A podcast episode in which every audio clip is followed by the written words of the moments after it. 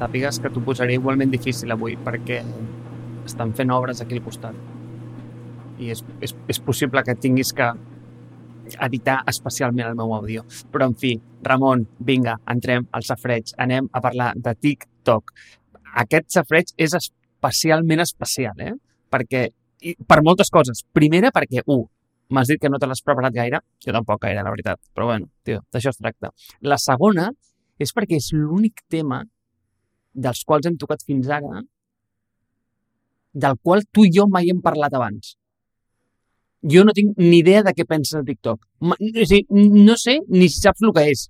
O sigui, haguéssim pogut fer aquest capítol i jo hagués pogut no saber el que era, eh? O sigui, perquè ja saps que vic a la parra. O sigui, mm, però, bueno, afortunadament sí, ¿vale? però, però no hagués pogut ser el cas. I l'altra és que l'única informació que tinc és que ho, ho vols enfocar perquè et vaig preguntar, ei, com, com, com, com, obrim aquest meló?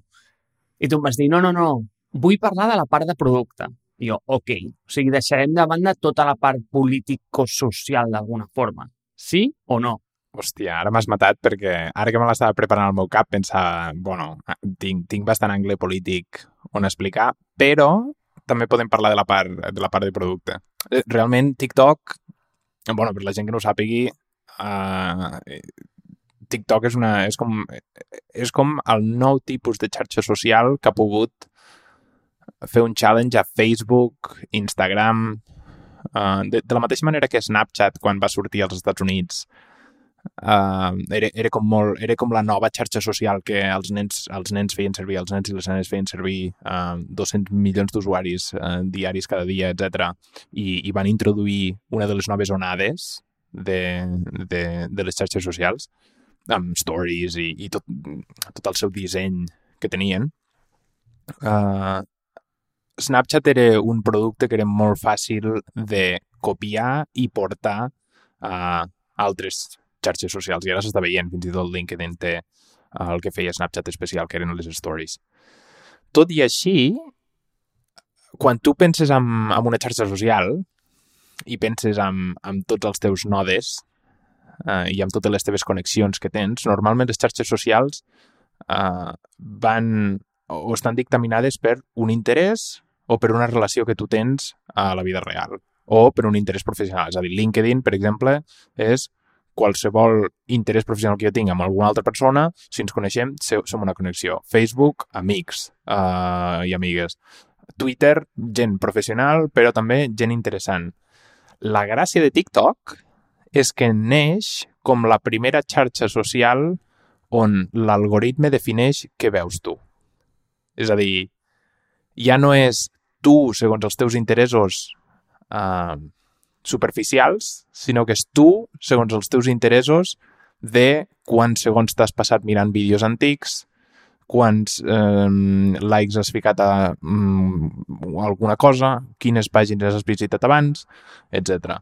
I al poder-te fer un profile social tan fort com el que et fa Facebook, però a part poder-te servir el contingut que ells tenen de mils i milions d'usuaris, poden crear bàsicament la xarxa social última, que és tenir gent addicta a la cosa més engaging que hi ha, que són vídeos de gent fent coses, uh, i que no necessàriament són de 10 minuts com a YouTube, sinó que són 30 segons, 45 segons, i amb un mecanisme de scroll super fàcil. Llavors, em sembla fascinant de TikTok dos coses. Una, com han pogut fer challenge a Facebook i com Facebook ara està bàsicament mirant com poder copiar això i, i ho ha intentat amb Instagram Reels i coses així, però em penso que no funciona. Dos, em sembla molt interessant que, fei, eh, que Twitter comprés fa 4 o 5 anys el que esdevindria TikTok, que és Vine, i el mateix. I tres, hi ha un angle polític molt bèstia perquè s'està fent servir TikTok com el pal de paller dels països uh, com t'ho diria això? S'estan fent servir TikTok o s'estan fent servir l'App Store o s'estan fent servir les aplicacions com TikTok i WeChat com una excusa política per fer mal als habitants d'un país. Cosa que em sembla fascinant. Que les guerres siguin a les App Stores ja. ja no siguin i, uh, enviem a milers de persones en una trinxera, sinó que són banegem aquesta app per putejar la gent uh, que viu en aquell país. Per tant, hi ha aquests tres angles que són interessants. Llavors, què, què, què, què, què saps tu de TikTok? Què opines tu de TikTok? Què opino de TikTok? Anem a veure què, què, què collons opino de TikTok. Eh, jo em guardaria l'angle polític perquè crec que és l'únic que està com molt desalineat dels altres dos que tu eh, que has començat tocant, no? Mm, jo crec que per entendre bé aquesta aplicació és interessant explorar una mica el seu passat i a mi el que em sembla fascinant de, del passat de TikTok és com, és com una ironia en si mateix. Vale? O sigui, aquesta aplicació la van començar dos xavals eh, com una cosa que va llançar a, a, a Xina com, un, com una companyia educativa de, de, de vídeos curts. I això, sí, com que bàsicament els hi va anar com al cul, però aquests tios van sortir del res, eh? Em sembla que es deien Àlex i Luis o alguna cosa així. Eh, I com el 2014, això... Eh, o sigui, bàsicament era, era un fracàs. I aquests tios van pivotar eh, cap al tema del lip-sync i els, els, els videocovers i tot això, i la van llançar als Estats Units, perquè aquesta aplicació inicial només estava disponible a Xina. I això és el que va llançar als Estats Units com el, el mític Musicalio, no sé com es diu, és que no sé ni pronunciar perquè crec que mai, mai, mai ho he escoltat. Eh, I aquesta és la que es va fer com ultrapopular entre les nenes teenagers, eh, fent el sharing dels covers aquests, diria, ¿vale? perquè o sigui, no, no m'he baixat mai l'aplicació. ¿vale? Lo fort, lo fort és que això va explotar als Estats Units, però eh, com es diu, la de mm, ByteDance, el, el bitxaco que hi gegant xino, la va clonar a Xina amb una aplicació que es deia Douyin o una... Perdó a tots els xinos out there, si no ho he pronunciat bé, ¿vale? i la va acabar comprant. O sigui, és com, tio, o sigui, acollonant, no? El, el clon de l'aplicació va resultar que era més popular que l'original i va acabar comprant l'original dels Estats Units. I llavors allà és quan li va fer el rebranding a TikTok.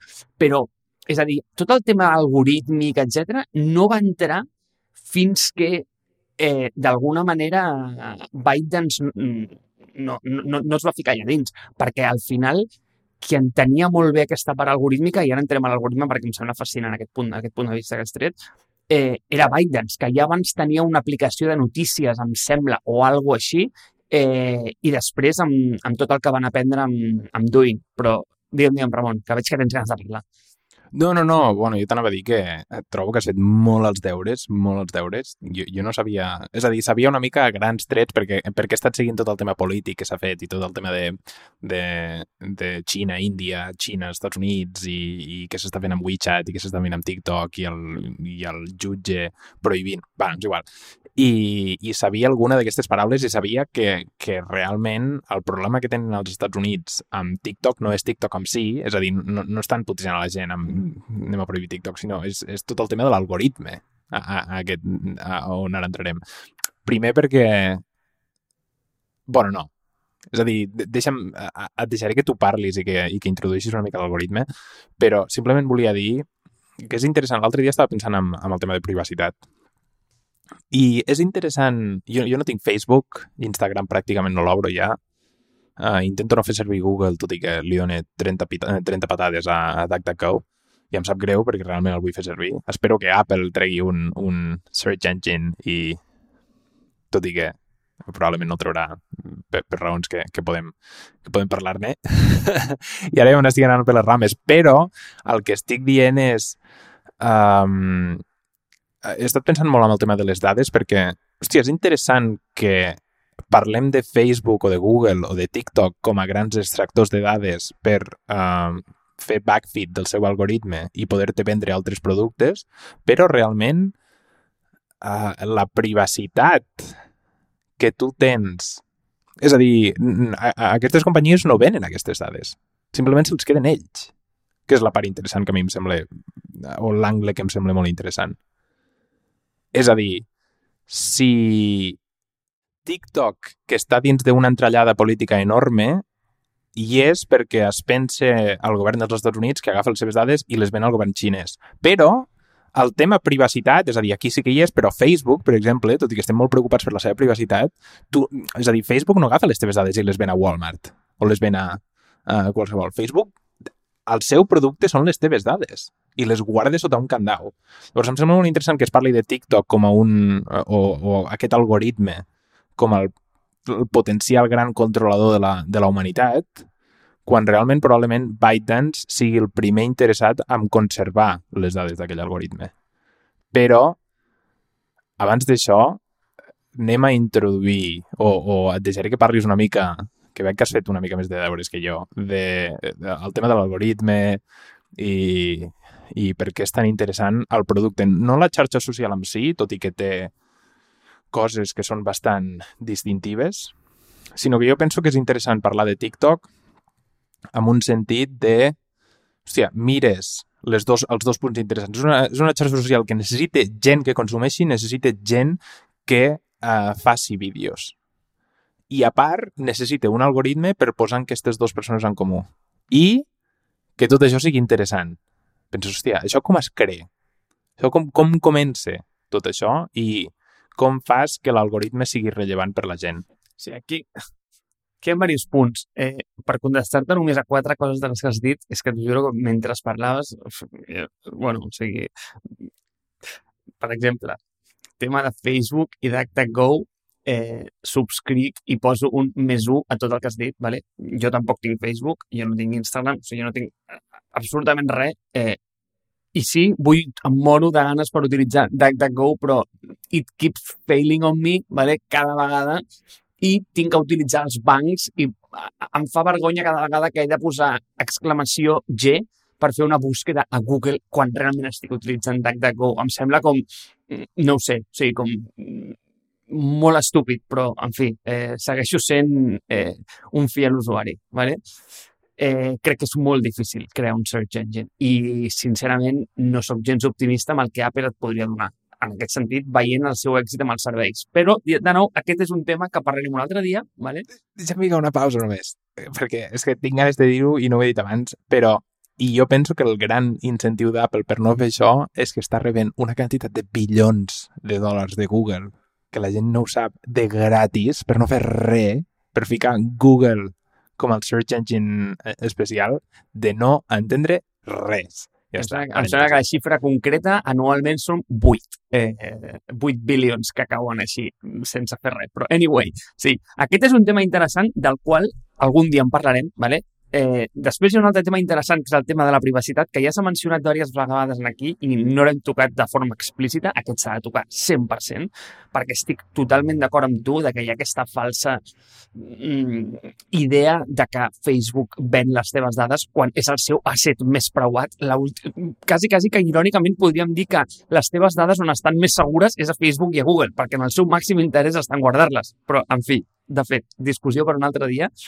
Però en realitat el que m'has fet pensar és una cosa que vas dir sobre l'episodi 4 o 5, ara no recordo exactament quan, que el que deies era que una de les recurrències d'aquest programa serà com intentar capitalitzar amb els nostres interessos o, o experiències per parlar de temes que són socialment rellevants, no? I posaves el tema de l'educació, eh, el tema de producte, coses d'aquestes. Crec que malgrat no ho sembli, perquè ens toca un peu Facebook, Instagram i les redes socials, crec que estem especialment capacitats per parlar d'aquest i et diré per què. Perquè hi ha un punt molt crític de creació de contingut en la qual jo estic ara mateix mmm, ficat de merdes del coll, eh, incentius per crear contingut, economia del creador, hi ha una part d'algoritmia i de recomanacions d'intel·ligència artificial que tu estàs molt, molt, molt, molt posat en aquest món, bàsicament perquè el teu producte que acabes de llançar eh, parla únicament d'això. I, tio, crec que ens fa com especialment eh, interessants perdó, eh, per, per, per, per tirar-me floretes, però o sigui, realment com, o, o realment acreditats per parlar d'això. Llavors, per mi hi ha dos angles interessants i ara sí que començo a contestar el que tu em demanaves de l'algoritme. Per mi hi ha dues parts interessants, de la mateixa manera que tu n'has posat tres. I jo diria que un és l'algoritme i l'altre és la, el creador. I, I no sé si això és un capítol, són dos, eh, o, o, o, o arribem a tot, però anem a veure un per un. És a dir, tu ja ho has dit molt bé. TikTok no és la teva típica red social eh, occidental, eh, on, on hi ha com aquesta, d'alguna manera, grafo d'amics, likes, eh, no sé, engagement, digue-li com vulguis, on bàsicament el teu camí per dins de la red social és extremadament dependent dels, te dels teus amics, dels teus social graph, no? Llavors, això és totalment diferent. Aquí hi ha com un algoritme per darrere que és absolutament independent de qui són els teus amics, d'aquí, perquè bàsicament aquí no en tens. ¿vale? Eh, I això, clar, o sigui, et dona com una dimensió totalment diferent i una aproximació totalment diferent a la recomanació de contingut. I és el que, el que l'està fent eh, com tan, tan addictiva. Des d'un punt de vista algorítmic, a mi m'agrada molt aquesta diferència. Eh, des d'un punt de vista algorítmic, hi han com dos tipus de redes socials, no? Estan les que es diuen les exploratòries, els algoritmes exploratoris i, els, eh, i el que són més els algoritmes que es diuen d'exploit. De, vale? Els exploratoris són aquells que estan ampliant una mica la teva perspectiva i et donen coses noves eh, sobre les quals capitalitzar. En canvi, les exploits són les que et donen més del que tu t'agrada. YouTube és la típica red exploit. O sigui, que no para de donar-te vídeos mm, del que més t'agrada, eh, comences a veure mm, ositos de gominoles i acabes veient com, tio, com un osito li, li clava un punyal al, al cap a un altre, saps? Al final es, es torna molt pervers, no? Sí, tio, es torna molt pervers. En canvi, en canvi mm, eh, TikTok és el, és el poster child d'una red absolutament ex, eh, exploratòria i expansiva. Llavors, com, com, com ho fa això? Mm, pel que jo tinc entès, eh, ja et dic, no sóc per res un expert, però jo crec que si li preguntes a qualsevol researcher d'AI quant d'especial és aquest algoritme, et diria que not so much. Crec, crec. Però diria que la, el, el turnkey, aquí, o sigui, la, com la clau de pas és l'habilitat especial que té TikTok de i aquí vull que tu m'ho eh, validis, perquè crec que tu ets l'expert en el que vaig a dir. Eh, crec que és com aquesta habilitat de combinar l'algoritme amb la data que ella està entrenant. És a dir, què és el que passa? Tio, no hi ha molta informació en el món, no hi ha molt corpus de data de eh, què li agrada al Ramon, bàsicament. Llavors, una red social que vol començar té, té com, cony, doncs un, un problema molt gran a l'hora de començar, bàsicament, perquè no té res d'informació de tu. Com tu dius, està en aquests world gardens eh, tipus Facebook, tipus Google, les tenen ells. Per tant, la barrera d'entrada a qualsevol red social és molt alta. Per tant, és molt difícil eh, step up en aquest, en aquest joc, no? Llavors, què passa? Pues TikTok, tio, ha aconseguit com fer el leapfrog aquest fins allà, bàsicament perquè en un món on no hi ha dades públiques d'una persona, ha aconseguit generar molt ràpidament un dataset i entrenar-lo sobre què és el que a tu t'agrada. Però no és només interessant això, sinó que a sobre és un dataset que és molt més eficient que no pas el que tenen ells. Perquè, cony, Ramon, els teus gustos poden canviar. Eh, no sé, les teves aficions avui pots estar interessat amb el tennis i demà et pot agradar l'alta costura. I, i, I això al final, tio, mm, ja et dic, vull dir, les persones som extremadament rodones, són molt dinàmiques. I si tu estàs sempre seguint a la mateixa gent, sempre veuràs les mateixes coses. En canvi, si realment tu estàs entrenant l'algoritme amb aquests, mm, com aquests loops molt curts, eh, i li estàs donant aquest feedback tan directe, tio, eh, tenen la capacitat d'ajustar els teus gustos quasi, quasi en real time, no? Eh, I aquest punt crec que és molt important, com la combinació de generació de dada i lo ràpid que pots entrar en aquest model. I a mi això em recorda molt a Love, no? Perquè, mm, hòstia, jo quan vaig veure la primera versió de Love, que vaig veure que amb, amb quatre imatges eh, ja, ja s'havia creat el seu dataset, mm, et vaig, et vaig preguntar, Ramon, com collons funciona això? Bueno, i, i una de les coses interessants del vídeo de, de 10 minuts que vam gravar és que entrene amb, em penso que són 50 imatges cada, cada classe, fa un drinking, not drinking, però eh, descobreix que el model té un problema al mig, que està a punt de beure o quan, quan ensenya la tassa eh, es pensa que està bevent al model, li fa dos fotos bevent o, o li fa dos fotos així dient que això no és beure, el model entrena una altra vegada i pam, el model ja entén que això no és beure. Sembla, em sembla interessantíssim això. Però, però més que això, jo penso que la, eh, és, és com la, la perfecta combinació entre... És com Apple, no? El, el que els fa diferents és la perfecta combinació de hardware i software.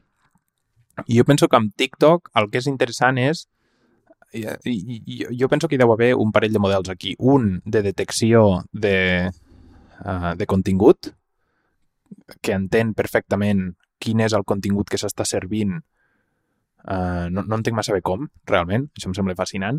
I l'altre és el, el model que s'està entrenant amb engagement, amb aquell vídeo. És a dir, hi ha poques uh, interaccions a TikTok, realment. Tu pots fer un like, tu pots fer un comentari, tu pots fer un repost i tu pots uh, ficar el dit i fer swipe. I pam, es farà swipe. El següent vídeo que, que l'algoritme et serveixi. Llavors és interessant que només amb aquests quatre data points de la interacció i amb el temps que tu et passes en aquell vídeo i la quantitat de vegades que el veus i amb la detecció de contingut puguin mapejar-te a tu, mapejar a tota l'altra gent que està fent servir TikTok i crear un model que sigui tan perfecte. És fascinant.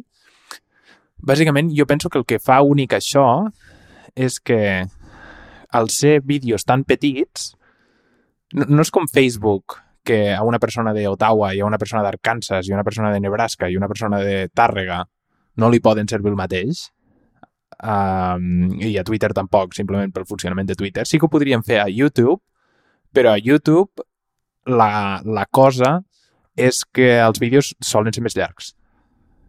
Llavors no tenen tant marge de maniobra. Són com un transatlàntic molt més gordo, que, on costa molt fer la maniobra. En canvi, a TikTok, els vídeos de 15 segons els poden servir amb una persona de Nebraska i una persona d'aquí i crear com una xarxa de gustos que no només és a escala de la teva de, de les teves connexions, sinó que és a escala global.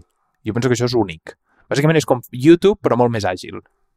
No sé si, no sé si té sentit. Té molt sentit i per tancar-ho, eh? per tancar l'algoritme i l'episodi, jo crec. Si vols, en el següent parlem del creador, que, que és un angle que de veritat em sembla encara més fascinant. Però el tema de l'algoritme, jo crec que una de les grans innovacions que hi ha al voltant de TikTok és la manera com l'estan ensenyant a veure en aquest algoritme. És a dir, de quina forma l'algoritme veu els vídeos. Llavors, quan tu entres a LinkedIn, tu pots traquejar l'usuari, i dic LinkedIn perquè jo el faig servir més, però imagino que Facebook és el mateix. És a dir, quants call to actions tens en aquella pantalla quan tu entres? N'hi han dotzenes. És molt difícil entendre què vol fer aquell usuari en allà. Què fa TikTok? Et presenta one video at a time. Només un. Només un. I aprèn d'aquell vídeo que prèviament aquell vídeo, i aquesta és la part que no se sap tant i no es parla tant, ha estat etiquetat, categoritzat, ordenat, tot per persones, assistit. És AI, sí, però està absolutament assistit per humans. I tots els vídeos passen com per aquest filtratge previ i d'alguna manera els etiqueten fins a la sacietat. I tenen com un control de, de la data eh, que hi ha de, darrere de, de, cada, de cada vídeo que d'alguna manera estan com handholding al, al, a l'algoritme i li estan dient, ei, aquest vídeo va d'això i d'aquest vídeo n'aprenem això, això i això i aquest usuari l'ha vist durant 3 segons estat a la seva pantalla. És una cosa que tu no pots treure amb una aplicació en la qual, eh, no sé, o sigui, hereda de desktop aquests mm, 300 call to actions en una mateixa pantalla i sí, li pots seguir una mica el mouse i el clipboard, però mm, no treus data molt accionable d'això. En canvi, crec que TikTok treu data molt, molt, molt accionable de cada vídeo per dues coses. Primera, perquè el vídeo està extremadament ben, ben categoritzat i la segona és perquè és l'única cosa que té a la pantalla, és data inequívoca. D'això eh, em pots estar seguríssim. I ja està, em callo. Ho deixem. No, no, no, eh, eh, és fantàstic això perquè jo no sabia que funcionava així, però clar, pensant mentre parlava, pensava, és que clar, hi ha d'haver alguna manera d'etiquetació. De, I és interessant perquè ahir estava parlant amb, amb, amb un noi sobre, sobre els algoritmes de, de Tesla i com Tesla ara mateix acaba de llançar, que, que d'això no hauríem de parlar, I, i sé que tu ets un malalt dels cotxes, per tant, d'això no hauríem de parlar, però bàsicament Tesla acaba de llançar tot el tema del, del self-driving. 100%, full self-driving cars. I és interessant com fan, com, com entrenen el seu model, perquè és bàsicament això. I, i és, és, és un pelet diferent, però bàsicament fan anotació a temps real És a dir, podem parlar de com, de com fan la notació quan tu estàs a dins del cotxe i de com entrenen el model, perquè és fascinant. És, uh, per exemple, uh, tenen dos tipus de models, un que és el que condueix sol i l'altre que és el que uh, hagués conduït sol abans. Uh, I el que condueix sol va amb tu, és a dir, si tu, per exemple, trobes un conill a la carretera i fas un volantàs, uh, com que el model antic no hagués vist aquest conill i hagués tirat recte, però tu has dit, si no, jo em vull saltar aquest conill, agafarà, farà foto d'aquell conill, mirarà totes les fotos de, de, de conills a la carretera dels cotxes de Tesla, les ficarà en comú, anotarà aquell conill a temps real i entrenarà el model una altra vegada per la pròxima vegada, si una persona de Nebraska es troba un conill, que l'esquivi. Sembla fascinant això. I la manera que fan l'anotació és, és, és, és la mateixa, és fer fotos a temps real de tota la teva carretera, les passen a una, a, a, un, a, a unes persones que fan la notació, amb una notació bàsicament automàtica, però després les persones les fiquen, fan models 3D del que està veient el cotxe, és a dir, no són models o imatges 2D, són models 3D de com estan els cotxes, és a dir, si aquí hi ha una taula i aquí hi ha una cadira, saps la depth de la cadira, i si hi ha un stop, hi ha l'stop, i amb això poden tenir molt més coneixement de com condueix el cotxe.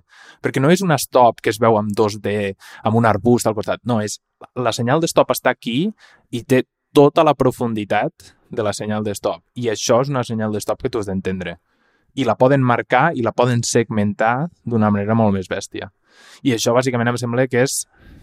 És a dir, hi ha, hi ha molta similitud amb lo de TikTok. Tot i així, jo no sé si ho vols tancar ara, jo penso que, mm, com que ja hem trencat el format, de, és a dir, continuarem dient que són minuts, però jo penso que hem trencat una mica el format, però, però jo diria, el que em sembla fascinant de TikTok, és a dir, això em sembla brillant, però el que em sembla fascinant de TikTok és que hi hagi gent al principi de TikTok que digui vull invertir-hi temps aquí, vull crear contingut per TikTok. I em sembla fascinant aquesta dinàmica de crear una xarxa social des de zero i dir, i venga, anem a crear, anem a crear contingut i anem a veure si ens fem famosos. I penso que el que és interessant d'això és que lliga perfectament amb el capítol que teníem programat per la setmana que ve, que és el capitalisme. Em sembla la lligada perfecta, però bueno, digues, digues, que tu saps més d'això. No, jo no sé més, Ramon, però clar, a veure, si, si m'obres el meló de Tesla, eh, tenim un problema tenim un problema perquè, mira, jo de l'algoritme de TikTok sé el mateix que de treure càries, però, però de l'algoritme de Tesla puc parlar una estoneta. I, i tio, saps que em toques la fibra.